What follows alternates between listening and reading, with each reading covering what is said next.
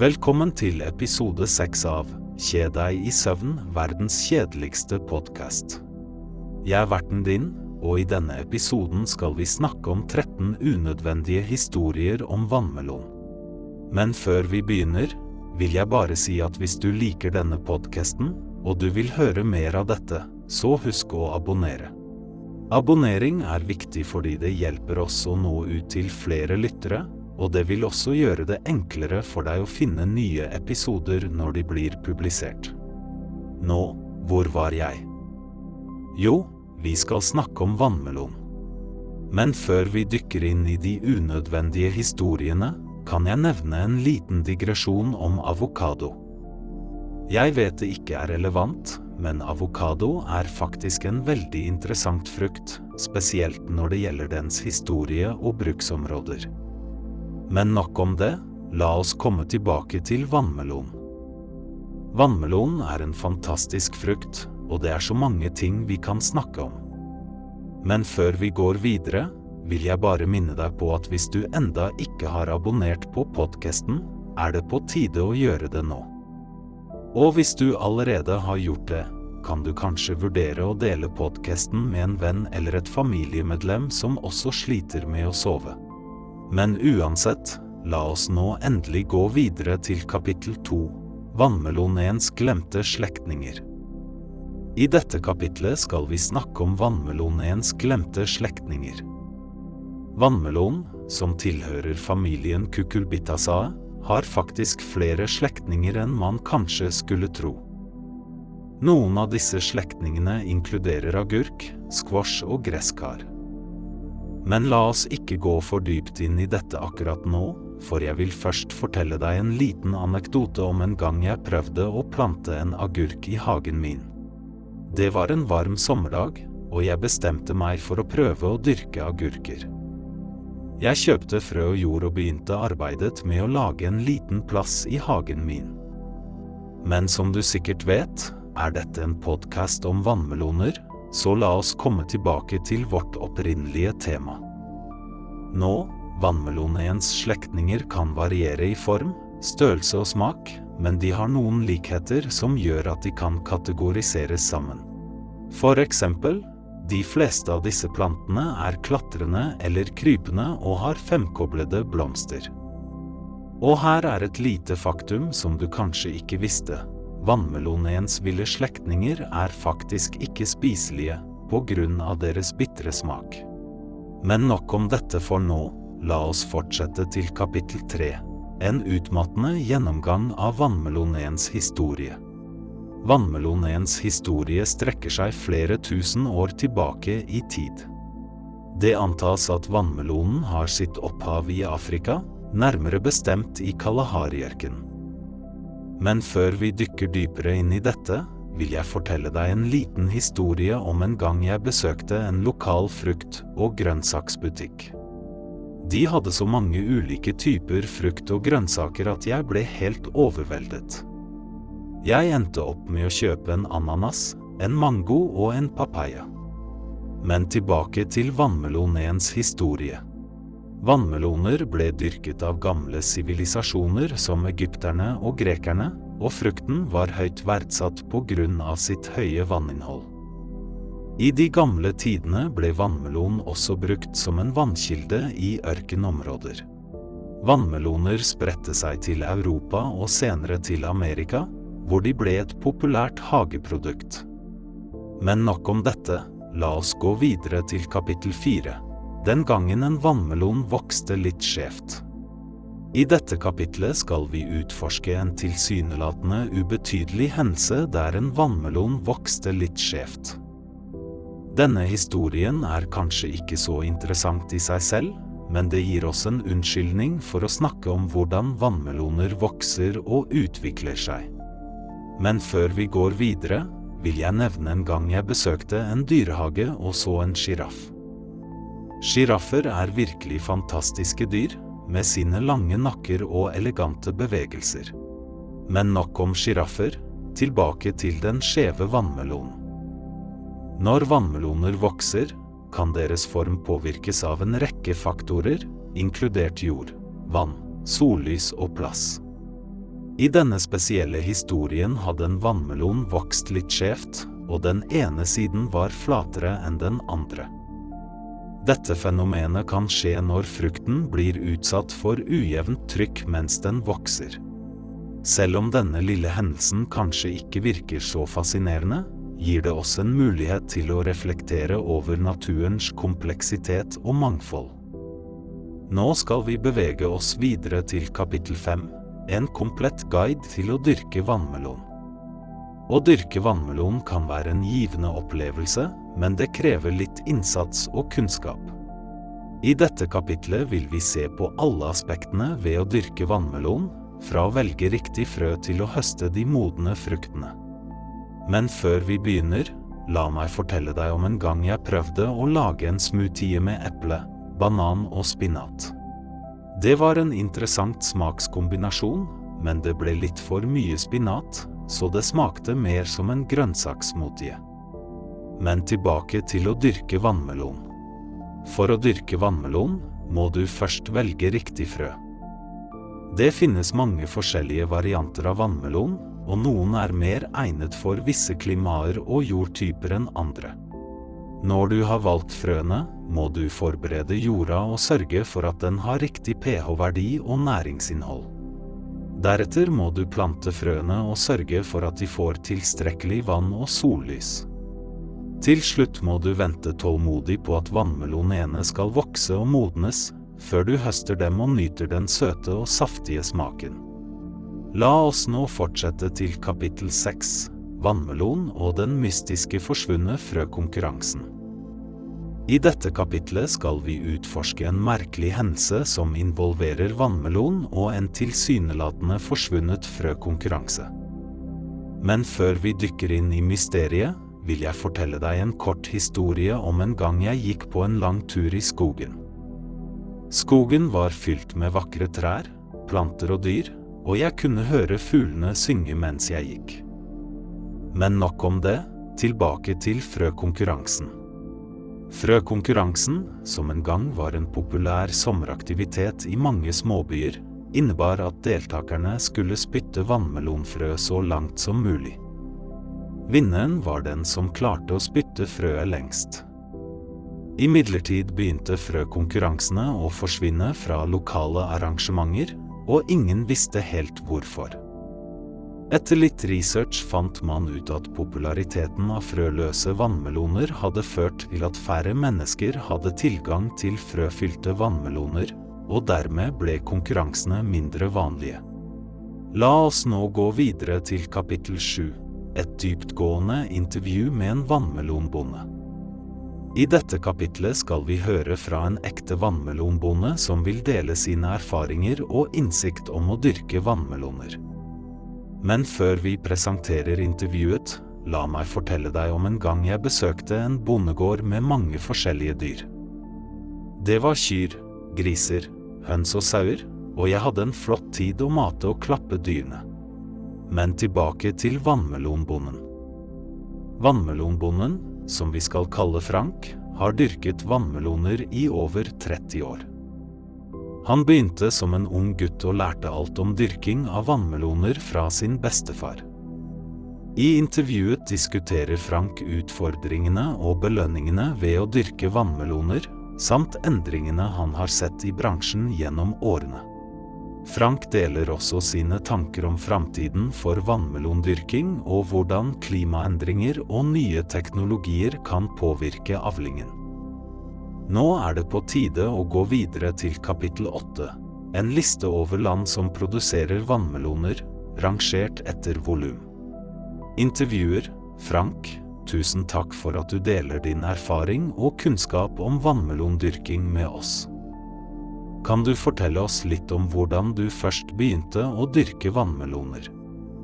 Frank, vel, det hele startet da jeg var en ung gutt, og jeg pleide å hjelpe bestefaren min på hans gård. Han dyrket mange forskjellige avlinger, men vannmeloner var alltid hans favoritt. Jeg lærte mye av ham, og da jeg ble eldre, bestemte jeg meg for å fortsette i hans fotspor og bli en vannmelonbonde. Intervjuer hva vil du si er den største utfordringen med å dyrke vannmeloner? Frank, jeg vil si at været er den største utfordringen. Vannmeloner trenger mye sol og varme for å vokse og modnes skikkelig. Her i regionen vår kan været være ganske uforutsigbart, så noen ganger er det en kamp for å få avlingen til å trives. Men når alt klaffer, og vi får en god høst, er det utrolig givende. Intervjuer Hvordan har vannmelondyrking endret seg i løpet av de årene du har vært bonde? Frank, det har vært noen betydelige endringer. En av de største er økningen i etterspørselen etter frøløse vannmeloner. Folk vil ha bekvemmeligheten av en vannmelon uten frø, så vi har begynt å dyrke flere frøløse varianter. Vi har også sett en økning i bruk av teknologi på gården, som hjelper oss med å overvåke værforhold, vanning og jordkvalitet mer effektivt. Intervjuer hva tror du om framtiden for vannmelondyrking? Frank, det er vanskelig å si sikkert, men jeg tror klimaendringer og teknologi vil fortsette å påvirke hvordan vi dyrker vannmeloner. Vi må tilpasse oss endringene og finne måter å dyrke avlinger som er mer motstandsdyktige mot tørke og varme. Jeg er også spent på å se hva slags nye vannmelonvarianter vi kan utvikle i fremtiden, Kanskje noen som er enda søtere og mer smakfulle enn de vi har i dag. Dette utdraget gir et innblikk i livet og erfaringene til vannmelonbonden Frank. Nå kan vi fortsette til kapittel åtte, en liste over land som produserer vannmeloner, rangert etter volum. I dette kapitlet vil vi se på en liste over land som produserer vannmeloner, rangert etter volum, og også inkludere noen bisarr fun facts om hvert land. Men før vi begynner, vil jeg fortelle deg om en gang jeg prøvde å lage en sandwich med uvanlige ingredienser. Jeg brukte syltetøy, sennep, ost og agurk. Det var en interessant smakskombinasjon, men kanskje ikke noe jeg ville prøve igjen. Nå, tilbake til listen over vannmelonproduserende land. Kina Kina er det største produsentlandet av vannmeloner i verden. Bizarre fun fact Kina har en festival kalt Sistere Mil-festival, hvor jenter lager fargerike risretter som en del av en gammel kurtisepraksis. India India er den nest største produsenten av vannmeloner. Bizarre fun fact det finnes en kattetempel i India hvor hundrevis av katter lever og blir tilbedt av mennesker som besøker tempelet. Iran Iran er en annen stor produsent av vannmeloner. Bizarre fun fact i den iranske byen Tabriz kan du finne en SAL-tinsjø som inneholder flytende SAL-tøyer. Tyrkia Tyrkia produserer betydelige mengder vannmeloner. Bizarre fun fact Tyrkia har en underjordisk by kalt Rinkuyu, som en gang huset opptil 20 000 mennesker og går åtte etasjer under bakken. USA USA er også en viktig produsent av vannmeloner.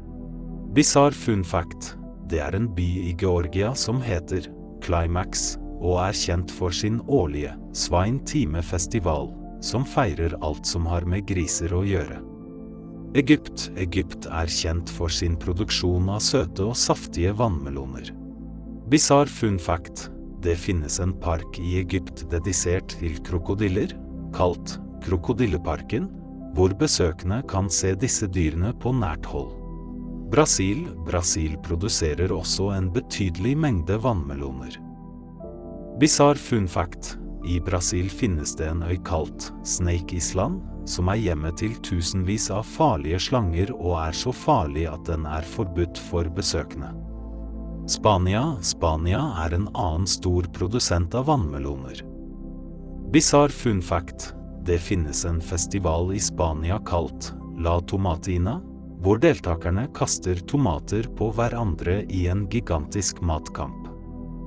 Listen fortsetter med andre land som produserer vannmeloner, og flere bisarr funfacts om hvert land. Nå kan vi gå videre til kapittel 9, de mest uvanlige vannmelonoppskriftene fra hele verden. I dette kapitlet skal vi utforske noen av de mest uvanlige vannmelonoppskriftene fra hele verden.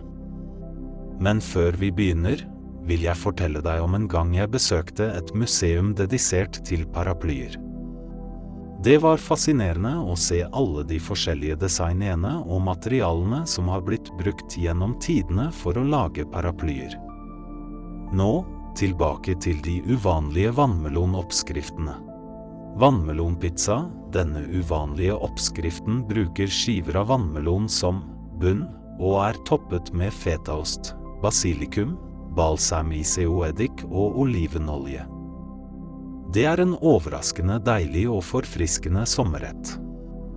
Vannmelonsashimi, denne oppskriften etterligner utseende og teksturen til rå fisk ved å bruke vannmelon. Vannmelonskiver blir marinert i en blanding av soyasaus, riseddik og sesamolje, og deretter servert som en lett forrett. Vannmelon og kyllingleverparfait, denne oppskriften kombinerer den søte smaken av vannmelon med den rike og kremete smaken av kyllingleverparfait. Vannmelonpuré blandes med kyllingleverparfait og serveres som en delikat forrett. Vannmelon og rekesalat, denne eksotiske salaten kombinerer søt vannmelon med krydret, grillet reker, frisk mynte og en tangy sitrusdressing for en smakfull og forfriskende sommerrett. Vannmelonrisotto, denne uvanlige oppskriften bruker vannmelon som en del av risen i en risotto. Vannmelonen tilfører en søt og lett smak til den ellers kremete og fyldige retten. Vannmeloncurry, denne indiske retten inneholder vannmelon i en krydret og fyldig currysaus. Vannmelonens sødme balanserer krydderet og gir en unik smak til denne uvanlige curryen. Disse oppskriftene viser hvordan vannmelon kan brukes på kreative og uvanlige måter i matlagingen, og gir en ny vri på den klassiske frukten. Nå er det på tide å gå videre til kapittel 10 vannmelonens kulturelle betydning og symbolikk rundt om i verden. I dette kapitlet skal vi utforske vannmelonens kulturelle betydning og symbolikk i forskjellige kulturer over hele verden. Men før vi begynner, vil jeg fortelle deg om en gang jeg besøkte en by som hadde en årlig festival dedisert til sokker. Festivalen inkluderte sokkedans, sokkekunst og til og med en sokkeparade. Nå, tilbake til vannmelonens kulturelle betydning. Kina, i kinesisk kultur er vannmelon et symbol på sommer og overflod. Vannmelonfrø blir ofte delt ut under feiringer som kinesisk nyttår, og symboliserer fruktbarhet, lykke og velstand. Egypt I det gamle Egypt var vannmelon høyt verdsatt for sin evne til å tilby både næring og hydrering i det tørre ørkenklimaet. Det er avbildet i hieroglyfer, og var en populær frukt blant faraoer og adelen. Hellas, i gresk mytologi ble vannmelon gitt av gudinnen Demeter til hennes elsker, den heroiske helten Tesseus. Vannmelonen ble et symbol på kjærlighet og beskyttelse og ble ofte brukt i religiøse seremonier og feiringer. Russland, i russisk kultur er vannmelon et symbol på samhørighet og vennskap. Det er en tradisjon at venner og familie deler en vannmelon sammen som en måte å styrke bånd og feire relasjoner. Japan, i japansk kultur er vannmelon et symbol på sommer og glede. Det er en populær tradisjon å spise vannmelon under sommerfestivaler, og det finnes til og med et japansk spill kalt suikawari, der deltakerne prøver å knuse en vannmelon med en pinne mens de er blindfoldet. Sørstatene i USA Vannmelon har lenge vært en del av sørstatskulturen i USA og symboliserer varme sommerdager, fellesskap og festligheter.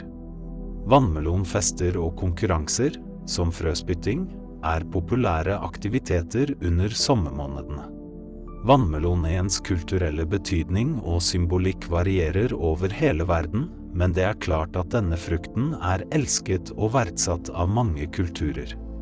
Nå kan vi gå videre til kapittel 11, historien om den gigantiske vannmelonen som vant verdensrekorden. I dette kapitlet skal vi dykke inn i historien om den gigantiske vannmelonen som vant verdensrekorden. Men før vi begynner, vil jeg fortelle deg om en gang jeg ble invitert til en fest der alle gjestene skulle kle seg ut som forskjellige typer frukt. Jeg valgte å kle meg ut som en drue, og det var både gøy og litt pinlig å se alle de kreative og rare kostymene. Nå, tilbake til historien om verdens største vannmelon. I 2013 ble en vannmelon dyrket av bonden Chris Kent fra Sevieville, Tennessee, kåret til verdens største vannmelon. Den veide imponerende 159 kilogram, 350,5 pund, og tok den offisielle verdensrekorden for største vannmelon. Chris Kent, en lidenskapelig frukt- og grønnsaksdyrker, bestemte seg for å prøve å dyrke en rekordstor vannmelon etter å ha lest om tidligere rekorder og teknikker for å dyrke gigantiske frukt- og grønnsaker. Han valgte en spesiell vannmelonsort kalt Carolina Cross, som er kjent for sin evne til å vokse til enorme størrelser. For å dyrke denne enorme vannmelonen brukte Kent en rekke metoder og teknikker, inkludert selektiv beskjæring og håndpollinering for å sikre optimal vekst og helse for vannmelonplanten. Han overvåket også nøye jordens næringsstoffer og fuktighetsnivåer for å gi de beste vekstforholdene. Etter måneder med hardt arbeid og tålmodighet ble Kents vannmelon endelig veid og målt på Great Pump K i en Commonwealth, GPC, vekstkonkurranse i 2013, og ble kåret til den nye verdensrekordholderen.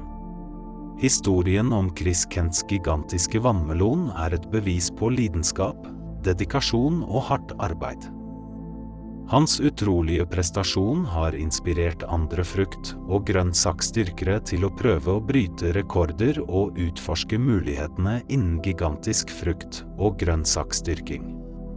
Nå som vi har lært om den imponerende gigantiske vannmelonen, kan vi gå videre til kapittel 12, fremtidige innovasjoner og teknologi innen vannmelondyrking. I dette kapitlet skal vi se på noen av de fremtidige innovasjonene og teknologiene innen vannmelondyrking. Men før vi begynner, vil jeg fortelle deg om en gang jeg deltok i en konkurranse der målet var å bygge det høyeste tårnet av plastikkbestikk. Det var en utfordrende og morsom oppgave som krevde både kreativitet og tålmodighet. Nå, tilbake til fremtidige innovasjoner innen vannmelondyrking. Presisjonslandbruk Presisjonslandbruk innebærer bruk av teknologi og data for å overvåke og styre vannmelonplantenes vekst på en mer effektiv og bærekraftig måte.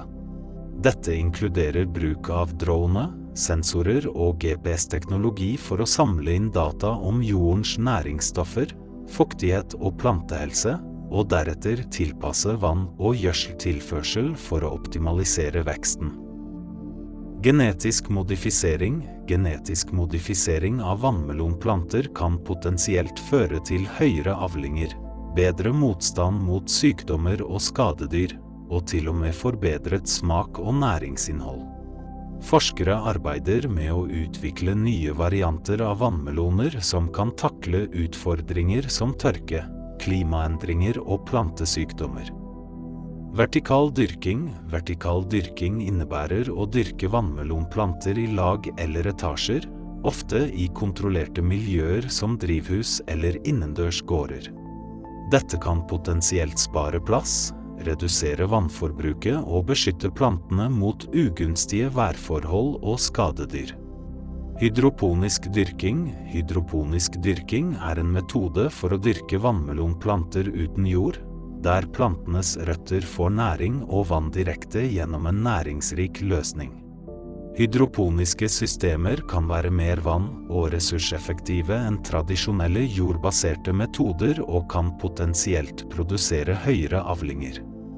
Robotisering og automatisering Utviklingen av robotteknologi og automatiserte systemer kan bidra til å effektivisere vannmelondyrking ved å automatisere oppgaver som planting, høsting, beskjæring og overvåking av plantehelsen. Disse fremtidige innovasjonene og teknologiene innen vannmelondyrking kan potensielt forbedre produktiviteten, bærekraften og lønnsomheten for vannmelonprodusenter over hele verden. Nå kan vi gå videre til det siste kapitlet, kapittel 13. Den kompliserte prosessen med å frakte vannmeloner over lange avstander. I dette kapitlet skal vi utforske den kompliserte prosessen med å frakte vannmeloner over lange avstander. Men før vi begynner, vil jeg fortelle deg om en gang jeg deltok i en konkurranse der målet var å stable så mange kopper som mulig i en pyramideform på 30 sekunder. Det var både stressende og morsomt, spesielt når tårnet kollapset. Nå tilbake til frakt av vannmeloner. Å frakte vannmeloner over lange avstander innebærer en rekke utfordringer og hensyn, inkludert temperaturkontroll, pakking og logistikk. Temperaturkontroll Vannmeloner er følsomme for temperatursvingninger og må oppbevares i et temperaturområde mellom 7 til 10 grader celsius for å opprettholde optimal kvalitet og ferskhet. Kjøletransport og temperaturkontrollert lagring er avgjørende for å sikre at vannmeloner ikke blir skadet av varme eller frost under transport. Pakking Vannmeloner må pakkes forsiktig for å beskytte dem mot skade og forringelse under transport. Dette innebærer å plassere vannmelonene i spesialdesignede paller eller kasser som gir støtte og beskyttelse mot støt og vibrasjoner. Logistikk å frakte vannmeloner over lange avstander krever nøye planlegging og koordinering for å sikre at fraktkostnadene holdes lave og at vannmelonene kommer frem til sitt endelige bestemmelsessted i tide og i god stand. Dette innebærer å velge de mest kostnadseffektive transportmetodene, eksempel lastebil, tog, skip eller fly og koordinere med flere transportører og distribusjonssentre underveis. Toll- og importrestriksjoner Når vannmeloner transporteres over landegrenser, må produsenter og eksportører også navigere i tollprosedyrer og importrestriksjoner, som kan variere avhengig av destinasjonslandet. Dette kan innebære å skaffe nødvendige lisenser, sertifikater og dokumentasjon for å bevise at vannmelonene oppfyller importkravene i det aktuelle landet. Bærekraft Bærekraft er en viktig bekymring når det gjelder frakt av vannmeloner over lange avstander. Produsenter og transportører må ta hensyn til miljøpåvirkningen av fraktprosessen, inkludert utslipp av klimagasser, energiforbruk og avfallshåndtering. Den kompliserte prosessen med å frakte vannmeloner over lange avstander krever nøye planlegging, koordinering og overvåking for å sikre at vannmelonene når sitt endelige bestemmelsessted i god stand og til en rimelig pris. Med forbedringer innen teknologi og logistikk kan denne prosessen potensielt bli mer effektiv og bærekraftig i fremtiden. Teknologiske fremskritt, nye teknologier og innovasjoner innen transport og logistikk kan bidra til å gjøre frakt av vannmeloner mer effektiv og miljøvennlig. For eksempel kan bruk av elektriske lastebiler, automatisert logistikk og blokkjedeteknologi forbedre SPO-ring og koordinering av vannmelontransport. Samarbeid mellom aktører, samarbeid mellom produsenter, Transportører, distributører og detaljister er avgjørende for å sikre at vannmelonene transporteres og håndteres på en effektiv og bærekraftig måte. Dette kan innebære å dele informasjon, ressurser og beste praksis for å redusere kostnader og miljøpåvirkning. Forbrukerbevissthet Økt bevissthet blant forbrukere om miljøpåvirkningen av vannmelontransport kan bidra til å drive etterspørselen etter mer bærekraftige og lokalt produserte alternativer. Dette kan oppmuntre produsenter og transportører til å adoptere mer miljøvennlige metoder og redusere avstanden vannmelonene må reise før de når butikkhyllene. Offentlig politikk og regulering, myndigheter og regulatorer kan spille en viktig rolle i å fremme bærekraftig vannmelontransport gjennom insentiver, subsidier og reguleringer. Dette kan inkludere å støtte forskning og utvikling av bærekraftige transportmetoder, samt å innføre krav og standarder for miljøytelse. Som vi har sett, innebærer den kompliserte prosessen med å frakte vannmeloner over lange avstander mange utfordringer og hensyn.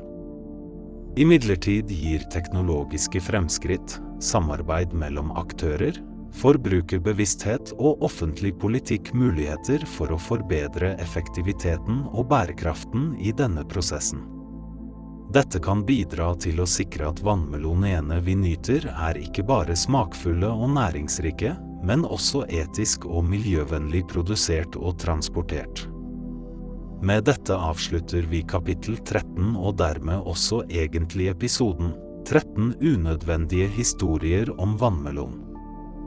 Men frykt ikke, for dere som fortsatt ikke sover så har vi laget dette bonuskapitlet, 30 navn som hadde passet kjempebra dersom avkommet ditt var en vannmelon. Her kan du finne inspirasjon til vannmelonvennlige navn og en begrunnelse for hvorfor hvert navn egner seg godt. Melanie, en søt og morsom vri på navnet Melanie, og det høres nesten ut som melon. Juicy fordi vannmeloner er kjent for sin saftige og forfriskende fruktmasse. Rindi, en hyllest til den tykke, grønne skallet som beskytter vannmelonens saftige indre. Sidrik, en sammensetning av sid, frø og cedric, for vannmeloner med masse frø. Verde, spansk for grønn, som representerer vannmelonens karakteristiske farge. Dulcis fra det latinske ordet for søt, siden vannmeloner har en herlig sødme. Crimsona, en hyllest til den dype, røde fargen på vannmelonens fruktkjøtt. Pepita, spansk for liten frø, som passer for små vannmelonfrø. Aquarius fordi vannmeloner består av omtrent 92% vann og er forfriskende som vannbærere. Biteria, en kombinasjon av bite og Victoria, fordi vannmeloner er perfekte å ta en bit av.